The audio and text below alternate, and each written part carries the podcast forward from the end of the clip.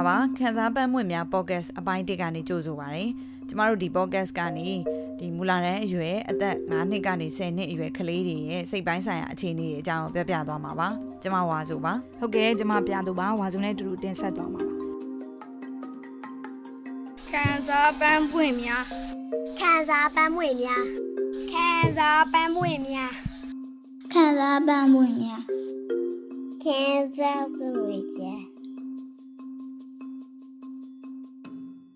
အဲအဲ့တော့အရင်ဆုံး podcast ကြောင်းလေးကြော်ညာလေးတစ်ဖြတ်ဝင်လိုက်မယ်ပေါ့နော်အေးပြောအဲ့တော့ကျမတို့ဒီ podcast မှာအပိုင်း၃ပိုင်းပါမှာဖြစ်ပြီးတော့တစ်ပိုင်းစီမှာတော့ဒီမတူညီတဲ့နေရာတွေမှာနေနေတဲ့မူလာတန်းအရွယ်ကလေးတွေရဲ့ဖြစ်တတ်တဲ့စိတ်ပိုင်းဆိုင်ရာအခြေအနေတွေပေါ့ပြီးလူကြီးမိဘတွေကအဲ့ဒါတွေကိုသိပြီးတော့ဘယ်လိုကူညီပေးလို့ရလဲဆိုတော့နီးလန်းတွေကိုဒီအပိုင်း၃ပိုင်းမှာကြားရမှာပေါ့နော်ဟုတ်တယ်ဒီနေ့အပိုင်း1မှာတော့9နှစ်ကနေ10နှစ်အရွယ်ကလေးတွေရဲ့အရွယ်လိုက်ဖွံ့ဖြိုးမှုတွေနောက် သူတို့ရဲ့စိတ်လှုပ်ရှားမှုတွေသူတို့ရဲ့စိတ်ဖိစီးမှုတွေကိုသိပြီးတော့ကလေးတွေကိုကူညီပေးနိုင်မယ့်နီးလန်းလေးတွေကိုပြောပြပေးသွားအောင်ပါอืมဟုတ်ပြီအဲ့တော့ဒီ9နှစ်ကနေ10နှစ်အရွယ်ကလေးတွေမှာဆိုရင်အသက်ကြီးလာတာနဲ့ခန္ဓာကိုယ်ကတဖြည်းဖြည်းပြောင်းလဲလာသလိုပဲသူတို့ရဲ့စိတ်မှာလည်းအရွယ်လိုက်ဖွံ့မျိုးလာတာရှိတယ်လीနော်อืมဟုတ်ပြီအဲ့အရွယ်လိုက်စိတ်ဖွံ့မျိုးတာလေးတွေကိုပြောပြကြရအောင်လीနော်อืมဟုတ်ပြီအဲ့တော့မပြောခင်မှာနားထောင်နေတဲ့သူတွေရောနင်ရောပေါ့နော်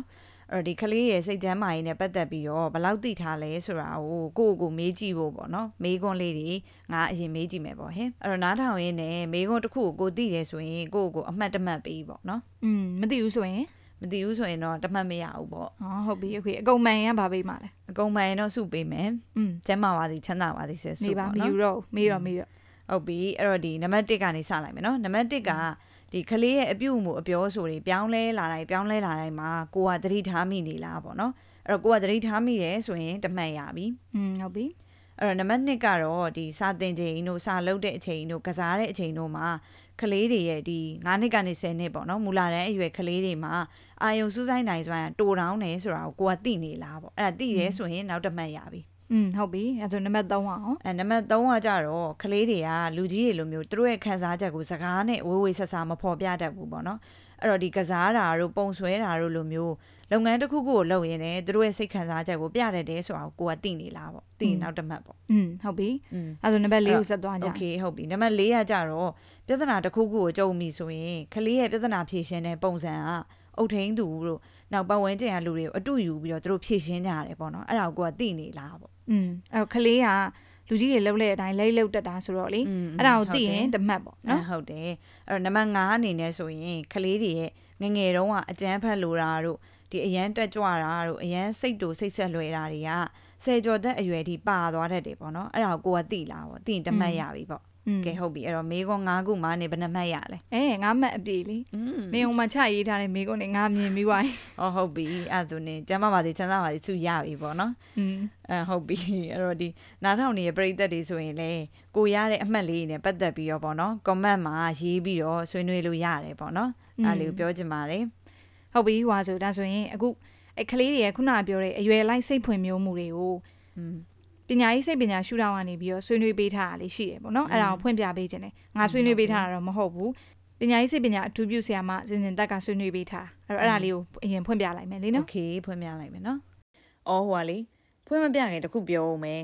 ဒီအစီအစဉ်မှာဒီအင်တာဗျူးဖြည့်ပေးထားတဲ့ဆရာမတွေကသူတို့ရဲ့နာမည်အရင်မဟုတ်ဘူးပေါ့နော်သူတို့အမည်လွဲနဲ့တုံးထားတယ်ဆိုတာလေးကိုပြောရင်းနဲ့ဒီအတန်ဖိုင်လေးကိုဖွင့်ပြလိုက်တယ်နော် ခံစားပန်းပွေများဟုတ်ကဲ့ဆရာမကြီးမင်္ဂလာပါနော်ဟုတ်ကဲ့မင်္ဂလာပါရှင်ဟိုကကျွန်တော်ပေါ့နော်အခုဆရာမဆရာနေပြီးတော့ဒီမူလာတဲ့အရွယ်ကလေးတွေရဲ့အရွယ်လိုက်စိတ်ဖွင့်မျိုးမှုလေးတွေကဘယ်လိုရှိတယ်ပေါ့နော်အမိဘတွေကဘယ်လိုလုပ်ပေးလို့ရတယ်ဆိုတာလေးကိုသိကြလို့ပါဟိုကျမအနေနဲ့ကတော့ဒီနေရာမှာအဓိကဟိုမိဘတွေဆရာဆရာမတွေနဲ့အဓိကပို့ပြီးတော့သိစေချင်တာလေးကတော့ အဲ့အသက်9နှစ်အရွယ်ကလေးတွေဆိုလို့ရှိရင်သူတို့ရဲ့အာယုံစိုက်နိုင်စွမ်းကသူတို့အသက်ရဲ့2ဆဒါမှမဟုတ်3ဆပေါ့နော်အများဆုံး3ဆလောက်ထိပဲရှိတယ်ပေါ့ဥမာအသက်9နှစ်အရွယ်ကလေးဆိုရင်သူရဲ့အာယုံစူးစိုက်နိုင်တဲ့ဒီအများဆုံး15မိနစ်ပေါ့နော်အဲ6နှစ်ဆိုရင်18မိနစ်ဖြစ်သွားမယ်9နှစ်ဆိုလို့ရှိရင်အဲ21မိနစ်ပေါ့မိနစ်20လောက်ဝန်းကျင်ပဲရနိုင်တယ်ပေါ့အဲ့လိုမျိုးလေးဖြစ်သွားမယ်ပေါ့အဲ့တော့ကျမတို့ကကလေးတစ်ခုကလေးတစ်ယောက်ကို တခုခုလောက်ခိုင်းတော့မယ်အမှပုံဆွဲခိုင်းတာဘာလောက်တာကစားတာပဲဖြစ်အဲ့လိုမျိုးလောက်ခိုင်းတော့မယ်ဆိုရင်သေးတွေက9နှစ်လောက်ဆိုလို့ရှိရင်သူက15မိနစ်ပဲအဲ့ activity မှာအများဆုံးစိတ်ဝင်စားလာနော်နောက်တခြားတစ်ခုကိုသူတို့ကကူးသွားမှာပဲကလေးတွေရဲ့အာယုဆိုင်နိုင်စွမ်းဒီသူတို့ရဲ့အသက်ရဲ့နှစ်ဆဒါမှမဟုတ်အများဆုံးသုံးဆအထိပဲတစ်ခုခုမှာအာယုကူးဆိုင်နိုင်တယ်ဆိုတာမျိုးလေးအဲကျွန်မအဲအဲ့ဒါလေးတစ်ချက်တော့ပြောချင်တယ်ပေါ့နော်ဟုတ်ဟုတ်ဆရာအာပြီးတော့9နှစ်လောက်ရောက်လာပြီဆိုလို့ရှိရင်သူတို့တွေကဟို ခြားကလေးတွေနဲ့အတူတူပေါင်းပြီးတော့ဆော့ကျင်လာပြီပေါ့နော်။မ3နှစ်နှစ်အရွယ်တုန်းကတော့သူတို့တပူကောင်းဆန်တဲ့စိတ်တွေပုံပြီးတော့များတယ်။ကိုယ့်အကိုပဲဆော့ကျင်တာကိုယ့်ရုပ်တွေသူများနဲ့ sharing လုပ်ချင်တာဆိုတာမျိုးရှိတတ်တယ်ပေါ့။ဒါပေမဲ့ကျောင်းစတဲ့9နှစ်လောက်ရောက်လာပြီဆိုရင်သူတို့တွေကအများနဲ့အတူတူပေါင်းပြီးဆော့ကျင်တယ်။တငယ်ချင်းတွေနဲ့အတူတူအဲကစားကျင်တယ်ဆိုတဲ့စိတ်မျိုးတွေရှိလာပြီပေါ့နော်။အဲ6နှစ်လောက်ရောက်လာပြီဆိုလို့ရှိရင်သူတို့တွေကအာပို့ပြီးတော့အခြားသူတွေကကိုယ့်ကိုဘယ်လိုမြင်တာလဲဘယ်လိုမျိုးကစားတာလဲသူတို့ကကိုယ်ဘယ်လိုသဘောထားတာလဲကိုယ်နဲ့တူတူကစားခြင်းလားဆိုတာမျိုးတွေသူတို့က စဉ်းစားတတ်လာပြီပေါ့နော်အဲပြီးရင်တခြားကလေးတွေကကိုယ်နာမည်ပြောင်းပြီးခေါ်တာတို့စတာတို့ဆိုရင်ရှက်ရကောင်းမှတိလာပြီပေါ့နော်အဲ့9နှစ်6နှစ်အရွယ်မှာခုနှစ်နှစ်ရှစ်နှစ်လောက်ရောက်လာပြီဆိုလို့ရှိရင်တော့သူတို့တွေကကိုယ့်ကိုအာခြားသူတွေကမခေါ်ခြင်းဘူးလားသူတို့ရဲ့မျက်နှာရည်မျက်နှာကဘယ်လိုမျိုးလဲကိုယ့်ကိုတစ်ခါလေကြားလို့ရှိရင်ချုပ်ကလေးတွေကအာမခေါ်ဘူးလို့ ဆက်ဆံလိုက်တယ်ဆိုလို့ရှိရင်သူတို့ကသူများကိုပြန်ပြောပြတတ်လာပြီပေါ့နော်ကိုကြုံတွေ့ရတဲ့အရာတွေမိဘကိုပဲဖြစ်ဖြစ်ဆရာဆရာမကိုပဲဖြစ်ပြန်ပြီးတော့တိုင်တက်လာတယ်ဆိုတဲ့အခြေအနေမျိုးလေးရှိတာတယ်ပေါ့နော်ပြီးရင်ချစ်တွေ့တာကိုလည်းသူတို့ကအဲ့ဒီဆိုခံကြလာပြီသူတို့မှဖြစ်နေတဲ့ခံစားချက်တွေကိုလည်းစကားနဲ့ပေါ်ပြတတ်လာပြီပေါ့နော်။9နှစ်6နှစ်မှာတော့သူတို့မှဖြစ်နေတဲ့ခံစားချက်တွေသူတို့ကစကားနဲ့မပေါ်ပြတတ်ဘူး။အဲ့တော့ကိုထိလက်ရောက်လောက်လိုက်တာတော့ဘာလို့ရှိတတ်တယ်ပေါ့နော်။ဒါပေမဲ့9နှစ်6နှစ်လောက်အရွယ်ရောက်လာပြီဆိုရင်အဲ့ဒါတွေကနည်းလာပြီးတော့သူတို့ရဲ့ခံစားချက်တွေစကားနဲ့ပြောတတ်လာတယ် ဒါပေမဲ့အဲ့အချိန်မှာလည်းလုံးဝရန်လိုတဲ့ပြုမှုတွေတစ်ခါတည်းမှာလုံးဝပျောက်သွားတာမျိုးတော့မဟုတ်ဘူးတစ်ခါတည်းမှာလည်းရှိတတ်နိုင်တယ်ပေါ့ဒါပေမဲ့9နှစ်10နှစ်လောက်အရွယ်ရောက်လာပြီဆိုလို့ရှိရင်တော့အဲ့ဒီကလေးလေးတွေကသူကအရင်ဟိုဆက်ပြောတက်လည်းရောက်တော့မယ်ဆိုတော့တငယ်ချင်းတွေကိုပို့ပြီးတော့ဟိုတန်ရောစင်များလာတယ်ပြီးရင်သူတို့ရဲ့လျှို့ဝှက်ချက်တွေသူတို့အချင်းချင်းပဲသိတဲ့ဟာတာတွေတငယ်ချင်းတွေနဲ့ပြောကျင်လာတယ်ပြီးရင်ဟိုမိသားစုလုပ်ငန်းတွေမှာသူတို့က ဖေးတွေမီးတွေပေါင်းနှမတွေတိတ်ပြီးတော့တနည်းနည်းကကတိတ်မနေချင်တော့သူတို့ကသူတို့ဘာတိပါတာပဲအိမ်မှာနေတတ်လာတယ်ပေါ့နော်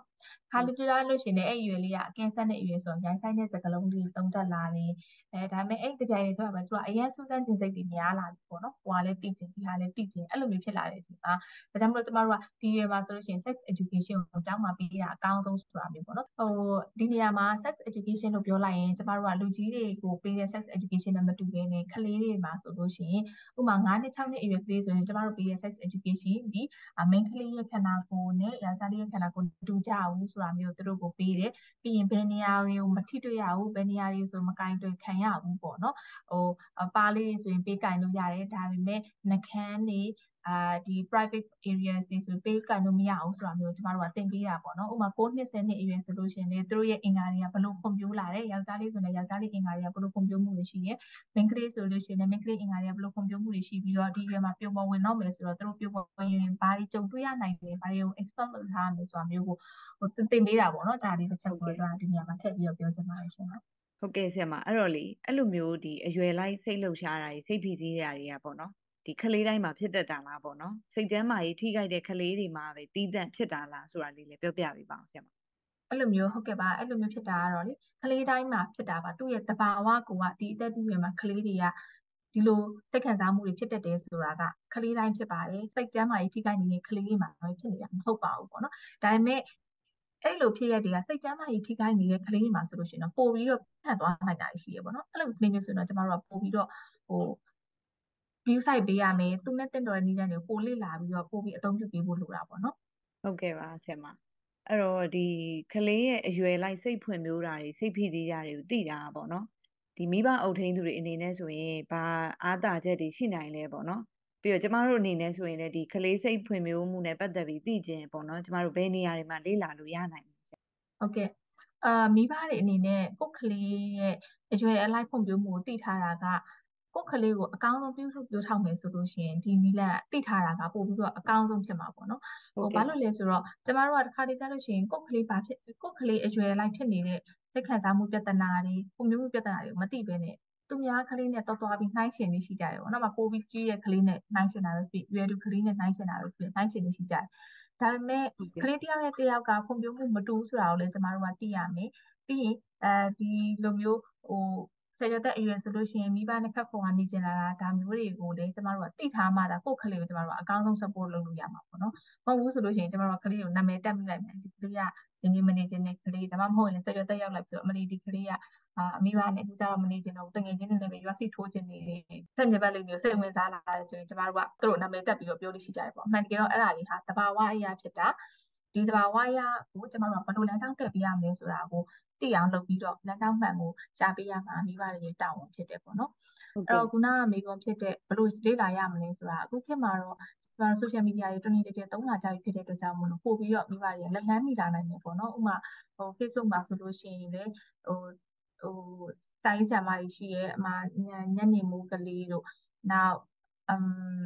နောက်ခေဖုံဆရာမခေဖုံတဲ့ဒါဆိုခုနောက်ပိုင်း မှာထွက်လာတာပေါ့နော်သူတို့တွေဆိုလို့ရှိရင်ဒီကလေးတွေရဲ့စိတ်ဝင်စားမှုနဲ့ပတ်သက်တဲ့ဟာတွေရေးထားတာရှိတယ်အဲ့ဒါမျိုးကျမတို့ရှာဖွေဖတ်ရှုလို့ရတယ်အဲပို့ပြီးတော့သိကျင်တယ်ဆိုလို့ရှိရင် Google မှာလည်းကျမတို့အာကျမကြီး page တွေရှိရဲအဲ့ page တွေကနေပြီးတော့ရေးနေရာတွေလည်းရှိတယ်အဲ hello ဆရာဝန်တို့ဘာလို့မှာဆိုလို့ရှိရင်လည်းအဲ့လိုမျိုးခရီးဖွံ့ဖြိုးမှုနဲ့ပတ်သက်တဲ့ဟာမျိုးရေးထားတာမျိုးရှိတယ်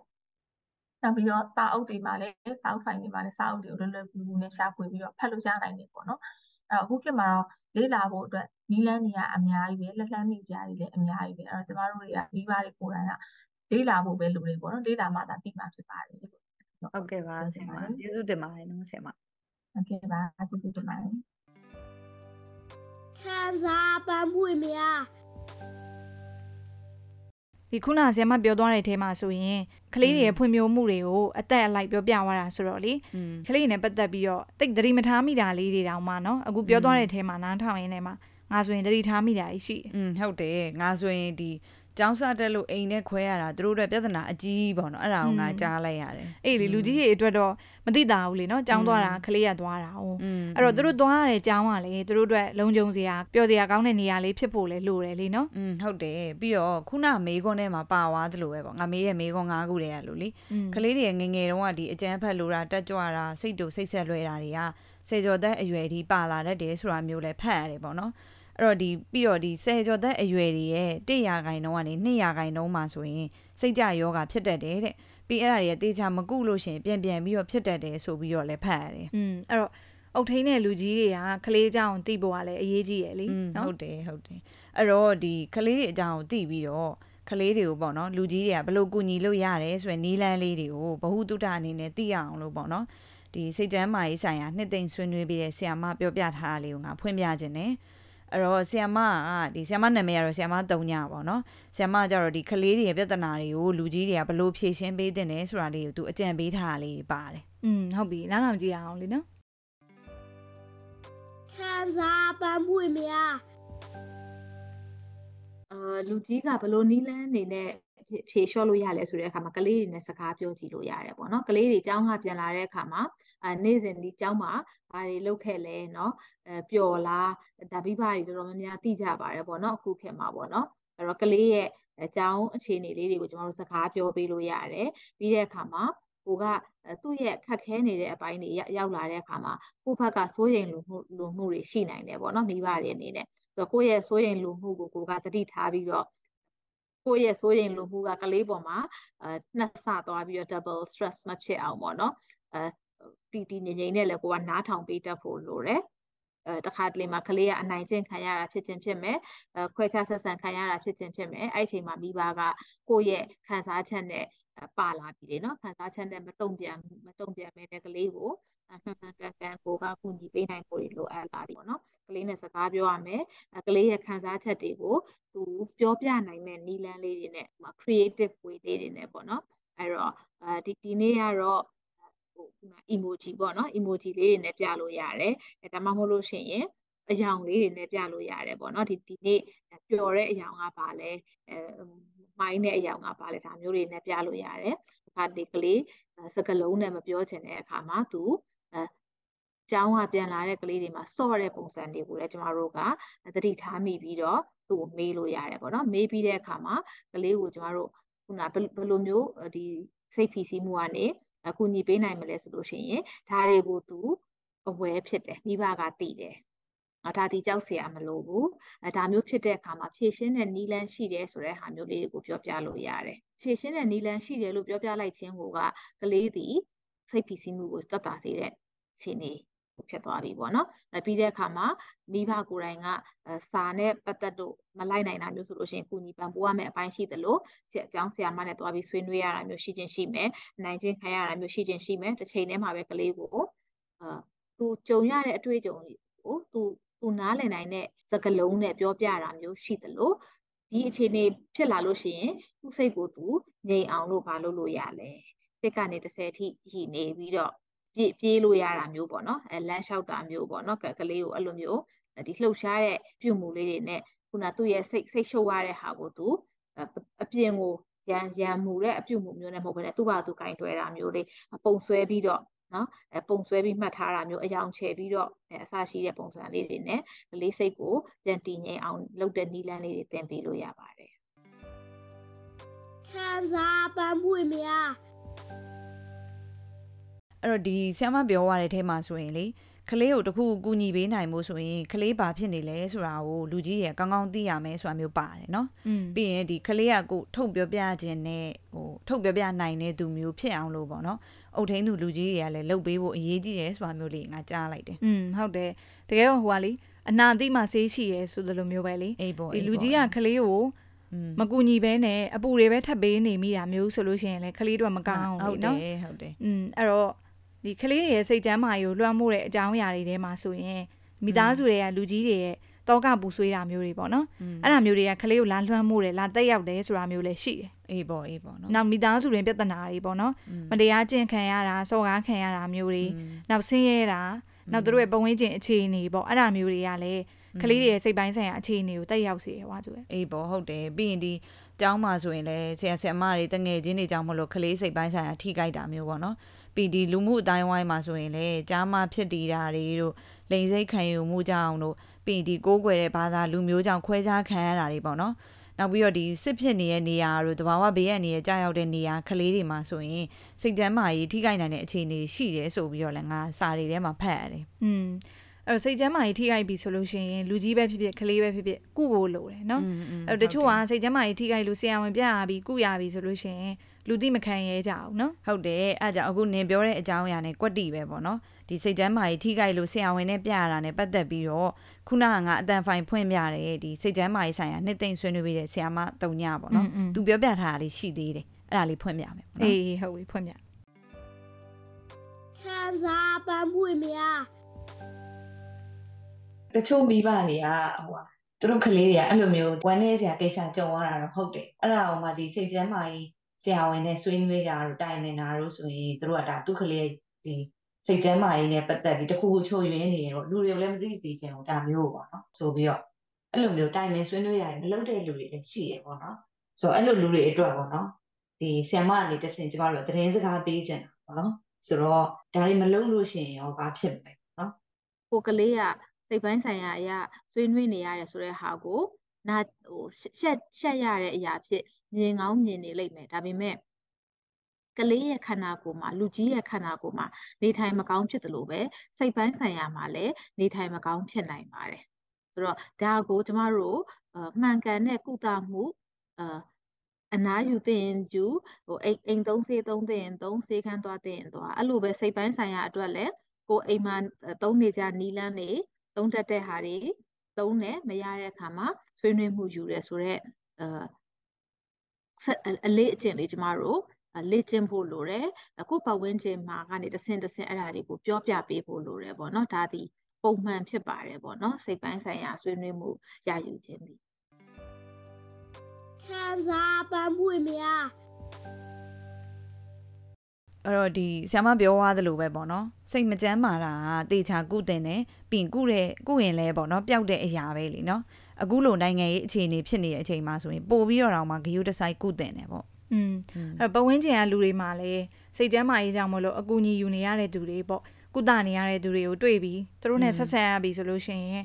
သူတို့တခုခုထိခိုက်အောင်သွားပြီးတော့မလုံးမိဖို့လည်းအရေးကြီးတယ်နော်ဟုတ်တယ်ဟုတ်တယ်ဒီကျမတို့ရဲ့ခန်းစားပတ်မှုများ podcast အပိုင်း1ကနေပြီးတော့9နှစ်ကနေ10နှစ်အရွယ်ကလေးတွေရဲ့အရွယ်လိုက်ဖွံ့ဖြိုးမှုတွေစိတ်လှုပ်ရှားမှုတွေစိတ်ဖိစီးမှုတွေအကြောင်းပြောသွားတယ်ပေါ့နော်ပြီးအဲ့ဒီစိတ်ဖိစီးမှုတွေကိုချော့ချတဲ့နီးလန်းတွေကိုလည်းကျမတို့အတူတူပြောသွားပေးတာပေါ့နော်အော်အဲ့နဲ့ဒီ podcast ရဲ့အစမှာမေးခဲ့တဲ့မေးခွန်းလေးတွေလေအဲ့မေးခွန်းလေးတွေကိုဖြည့်ကြည့်ပြီးတော့ကိုဘယ်နှမတ်ရလဲဆိုတာကိုလည်း comment မှာမှတ်ချက်ပေးပြီးတော့ဖြေသွားပေးကြပါအောင်နော် ဟုတ်ကဲ့ပါဒီ podcast ရဲ့နောက်တစ်ပိုင်းပေါ့အပိုင်းနှစ်မှာပေါ့နော်စစ်တပ်အုပ်ချုပ်မှုအောက်မှာနေရတဲ့ဒီပြည်တွင်းကကလေးတွေရဲ့စိတ်ပိုင်းဆိုင်ရာအခြေအနေတွေဖိအားတွေကဘယ်လိုရှိနိုင်နေဆိုတာရဲ့အဲ့ဒါကိုဘယ်လိုရှော့ချပေးလို့ရတယ်ဆိုတာရဲ့ကိုကျမတို့တင်ဆက်ပေးသွားအောင်ပါပါဟုတ်ကဲ့ဒါကြောင့်ဒီ channel လေးကို follow လုပ်ပြီးတော့ like တွေ subscribe တွေလုပ်ပြီးတော့စောင့်ပြီးတော့နားထောင်ပေးကြဖို့လည်းမမေ့နဲ့နော်